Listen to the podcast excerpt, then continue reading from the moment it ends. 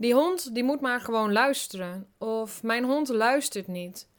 En hoe we het ook verpakken, het gaat er mij eigenlijk om dat we eens gaan kijken naar ja, waar, waar hebben we het eigenlijk over en wat betekent dat dan, dat luisteren.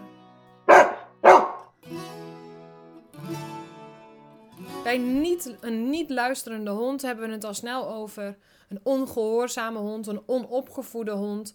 Uh, onzekerheid, ik zou het wel niet aan kunnen, uh, ik heb niet genoeg gezag. Uh, de hond neemt me in de maling, hij neemt een loopje met me. of we hebben een label op de hond geplakt. Het is een ongehoorzame hond, hij is eigenwijs, hij is eigenzinnig. Ehm, hij heeft bananen in zijn oren, hij is Oost-Indisch doof. Ja, gewoon een hond waar niet mee samen te werken is ook. Hè? In die end willen we vooral heel graag dat onze hond luistert. En wellicht fair enough, maar tegelijkertijd denk ik ook, uh, hoe ver gaan we? Hè? Waar gaat luisteren over? Maar vooral ook wel, hoe ver gaan we? Wat betekent luisteren? En ergens zit er toch ook nog wel een beetje het idee van een soort robot-idee. Als ik X of Y doe, uh, dan, is dit het dan is dit het gevolg en dus gewenst gedrag. En ik denk dat, dat we daar toch ook nog vaak te simplistisch naar kijken en te veel in een maakbare wereld leven, maar dat ook voorgeschoteld krijgen, dat je op basis daarvan uh, dat allemaal wel voor elkaar krijgt. Maar wel heel, iets heel belangrijks vergeten. Namelijk dat de hond gewoon een emotioneel wezen is. Die ergens iets van vindt. Die uh, continu leerervaringen maakt. Verbanden legt. Uh, die wellicht, een, nou niet wellicht, maar een genetisch pakketje met zich meedraagt. Wat invloed heeft. Die wellicht een verhaal met zich meedraagt. Die ehm, leer, negatieve leerervaring heeft opgedaan waarvan jij het misschien niet wist. Waarbij er een kloof is tussen mm, ehm, wat wij als mensen aan als behoefte hebben in combinatie met de hond, versus de behoefte van de hond. Waarbij er in onze maatschappij ook heel vaak helemaal geen ruimte is voor de behoefte van de hond. Nou, als we dan gaan kijken naar wat is de betekenis hè, van luisteren, dan kom je op hè, je aandacht erop richten om het te horen. Aandachtig horen. Alleen, heel vaak als een hond niet luistert, heeft dat niet te maken met dat ze niet zouden willen luisteren, maar ze kunnen niet luisteren. En dan zeggen mensen: Ja, nou, heeft het echt wel gehoord hoor. Ja, maar. Ja, dat zal wel. Maar er is een reden waarom jouw hond nu niet met jou, bij jou in verbinding is. En het is altijd essentieel naar die reden te gaan kijken. Het is belangrijk dat de hond door kan hebben wat jij hem vertelt. En wat er belangrijk aan is, luisteren is een kwaliteit. En luisteren gaat ook over meer dan alleen maar eh, de, een trainbare hond. Dus het is niet zo dat een border collie per definitie beter luistert dan een Laten we daar eens een golden retriever tegenover zetten. Is er een andere werkdrift? Ja. Maar luisteren gaat over meer dan trainingsvaardigheden. Waarbij je wellicht met die Hollandse herder, die Mechelse herder, de Border Collie sneller iets voor elkaar krijgt. Want ik zie vaak dat ze, ongeacht hun emotionele staat, alsnog luisteren. Dus die honden kun je flink onder appel zetten, waardoor het lijkt dat ze ontzettend goed luisteren, maar dan ben je wel iets vergeten. Want hoe gaat het dan met dat emotionele welzijn van de hond? Voelt de hond zich nu ook goed of niet? Maar goed, natuurlijk heeft dat voordelen, want het maakt dat je wel tot je hond kan doordringen. Nou, daar kom je ook meteen, wat mij betreft, een beetje bij de clue van deze podcast. Want wat als jouw hond niet kan luisteren, omdat hij in een bepaalde zone zit waar jij iets van hem verwacht, waarbij we vervolgens zeggen: ja, nee, hij luistert niet. En waarbij ik denk: ja, nee, dat snap ik wel. Als dit het moment is waarin jij met jouw hond wil gaan samenwerken, hoe ver is dat dan? Dus stel je hond eens over de rooien, ofwel in reactiviteit bijvoorbeeld, ofwel in overenthousiasme, kan hetzelfde zijn. Hè? De onderliggende emotie kan ook hetzelfde zijn. Dat is eigenlijk beter gezegd. De uitwerking is anders. Maar voor beide gedragingen uh, komt vaak naar voren dat de hond niet meer luistert. Dus hij ziet uh, mensen op straat, hij wil er per definitie naartoe. Oftewel, hij luistert niet meer. Of jouw hond is reactief. Jij wilt iets met hem doen of je wilt dat je tot hem door kan dringen. Hij luistert niet meer. Nou, vergelijk dat een beetje met uh, je kind is totaal over de rooi of een kind of je partner. En jij wilt op dat moment dat hij met zijn aandacht naar jou kan luisteren, kan horen, kan waarnemen, zich kan inleven, dat er een samenwerking is. dat er een wederzijdse samenwerking is. Hè? Jij verplaatst je in hem, de hond verplaatst zich in jou. hey, dit is er nu nodig om samen te werken. Ja, dat gaat je niet lukken natuurlijk op het moment dat jouw hond zo hoog zit. En ik denk dat er nog wel een aantal andere dingen um, bij komen kijken. Want een hond, een hond die niet luistert, zou dat ook kunnen doen omdat hij jou niet begrijpt. En hier zeggen mensen vaak: ja, maar heeft het heus wel door hoor.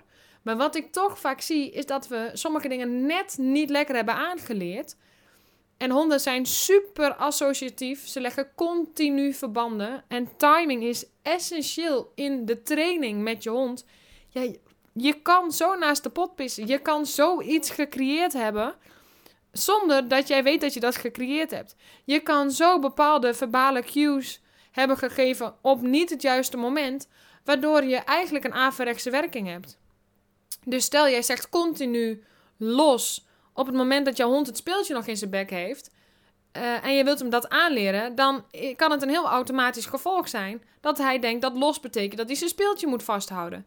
Dus wanneer je wat doet en hoe, dat bepaalt alles.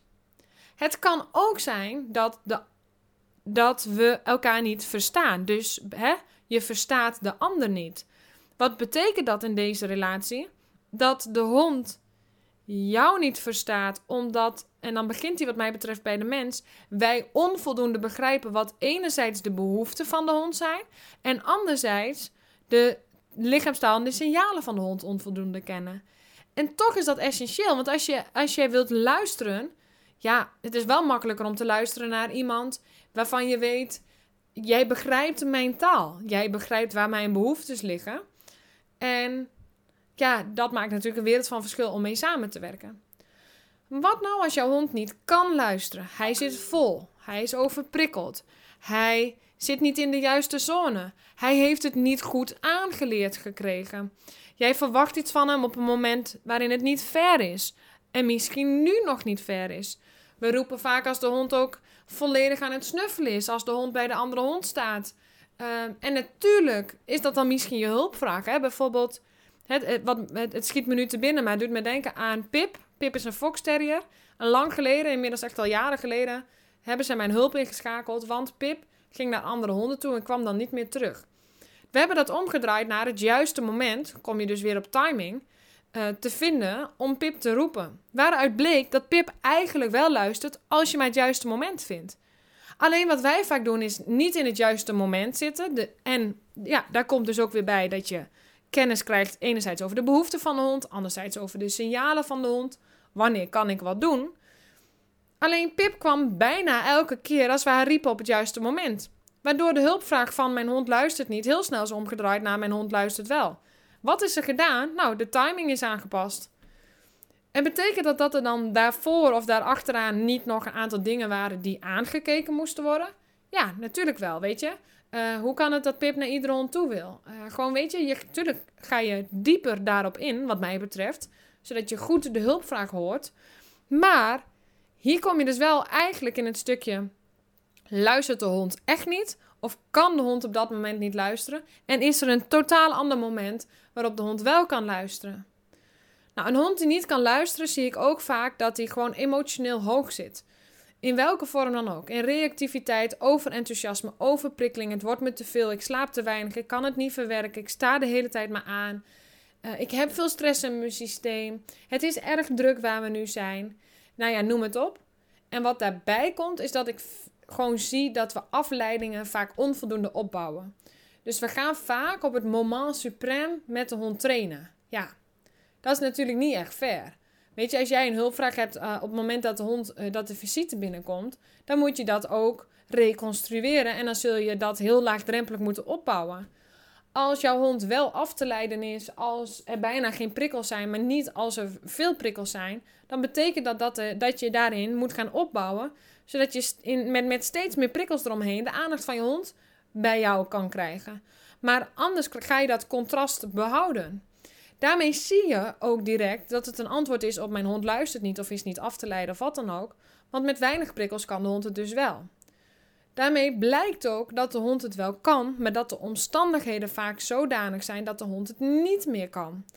En er zijn altijd ingangen, denk bijvoorbeeld aan Pip, waarin dat wel zo is, Alleen voor mij begint het wel altijd bij de emotionele welzijn. Dus als ik kijk naar Charlie, onze pup, dan is het eigenlijk zo dat ik bijna alleen maar, we zijn nu een maand verder, ze is nu een maandje bij ons, bezig ben met haar emotionele welzijn. Dat betekent dat ik ervoor zorg dat zij positieve associatie gaat leggen. Beknopt uitgelegd betekent dat dat ik op een zodanige afstand met haar ga trainen, eh, zowel binnen als buiten, zodat zij positieve associaties legt met een prikkel, zodat zij daardoor leert dat zo'n prikkel ehm, nou, neutraal is of zelfs positief. En dat zorgt ervoor dat ze rustiger wordt. Vanuit die rustige gemoedstoestand, want die emotionele stressrespons die is niet continu, blijft zij eigenlijk op hetzelfde niveau zitten. Hè? Er is niet die verandering in die, die schommeling in de emotionele reactie. Waardoor zij dus wel luistert, waardoor zij dus trainbaar wordt, waardoor ik van daaruit bepaalde dingen erin kan trainen die zorgen voor luistergedrag zoals wij dat vaker kennen hè, als uh, goed onder appel staan. Alleen wat mij betreft begint dat altijd bij een hond die zich emotioneel fijn voelt. En volgens mij is het daarom te doen. Dus als een hond niet luistert, hebben we meer te doen dan alleen een goede recall aan te leren. Want je hebt te kijken naar het totaalplaatje waarin de hond zich emotioneel voldoende en zich fijn voelt om dat goed aan te kunnen. En natuurlijk, ja, dit is even een voorbeeld van, van loslopen bijvoorbeeld. Tuurlijk heb je honden met een jachtinstinct. Tuurlijk heb je, tuurlijk, dat is ook zo. Maar uh, overkoepelend begint het wat mij betreft altijd bij het emotionele welzijn. En staat, gaat luisteren over meer dan, staat de hond goed onder appel of niet? want ik, eh, nou ja, ik spreek zelfs uit ervaring. Met Nimrod, onze Tevurus herder, um, was het altijd zo dat hij goed onder appel stond, maar hij voelde zich emotioneel gezien niet altijd fijn. En um, dat ben ik later gaan inzien, door, dat, door, door het werk wat ik gaan doen, ben gaan doen. En natuurlijk is het dan een voordeel dat hij goed onder appel stond, maar door dat te gaan omdraaien, hoefde ik hem eigenlijk ook minder goed onder, onder appel te hebben. Want hij voelde zich emotioneel gewoon neutraal of positief, waardoor die emotionele schommelingen er niet zo waren. En ik hem dus veel meer uh, kon laten zakken in het totaalplaatje eigenlijk. Dus slecht luisteren, hè? je begrijpt de ander niet, je hoort de ander niet, je verstaat de ander niet. Je luistert wel, maar het is weinig meer dan de ander aanhoren bijvoorbeeld. Eh, daar zit wat achter. En ik denk dat het daarover gaat. Het gaat erover wat maakt dat jij niet luistert. En die gaat dus, zoals je al begrepen hebt, over veel meer dan ehm, hij is niet goed opgevoed, hij is niet goed getraind, jij bent niet de leider. Uh, ja, hij doet zo omdat, of dat jij je daar onzeker over hoeft te voelen. Maar ik denk wel dat het vaak vraagt over kennisvergroting van, zodat je ook veel makkelijker op elkaar kan inspelen. En daarin denk ik wel dat wij mensen een stap te zetten hebben, omdat een hond meester is in ons aflezen. Um, en dus verbanden legt tussen wat wij doen, wat wij geven, wat wij verbaal en non-verbaal met de hond communiceren. Op basis daarvan associaties gaat leggen. En heel vaak zeggen mensen: Ja, mijn hond doet niet wat ik zeg. En heel vaak zeg ik: Jouw hond doet precies wat jij zegt. Want als je dan het voorbeeld neemt van: Mijn hond laat zijn touw niet los. Doet mij denken aan een border collie waar ik een tijdje geleden was. En toen zei ik: Ja, nee, dat is niet waar. Jouw hond doet precies wat jij zegt. Alleen je hebt los op het verkeerde moment eigenlijk aangeleerd, waardoor de hond de touw vasthoudt, want dat betekent los. Daarmee zie je ook dat de taal wel degelijk anders is, want als zou je de pannenkoek van maken en laat hij dan het woordje los, het maakt geen snars uit. Het gaat er gewoon om, wat koppel je wanneer, waaraan en welke timing gebruik je daarbij, zodat je hond die koppelingen gaat leggen. En dan kan het dus ook zijn dat je zegt pannenkoek en dat hij zijn touwtje loslaat of zijn balletje of wat dan ook. En ik denk dat het daar heel erg over gaat dat we begrijpen hoe werkt dat nou eigenlijk in dat kopie van de hond. Welke behoeften zitten daarbij, hè, zodat je aan behoeftevoorziening kan doen. Hoe werkt dat nou eigenlijk? Hoe voelt een hond zich emotioneel fijn? En is er een bodem gecreëerd, in het totaalplaatje dus, waarop de hond kan luisteren naar jou. En dus kan samenwerken. En daardoor heb je dus een goede bodem om je, om je hond goed onder appel te krijgen. En zo zie je dat niet luisteren een vele diepere laag gaat krijgen. Nou, bedankt voor het luisteren naar deze podcast. Ik ga bij deze podcast weer alle linkjes zetten naar mijn website, naar mijn online trainingen, naar mijn social media. Lijkt me superleuk om je tegen te komen via dit weg. Bedankt voor het luisteren en tot de volgende keer.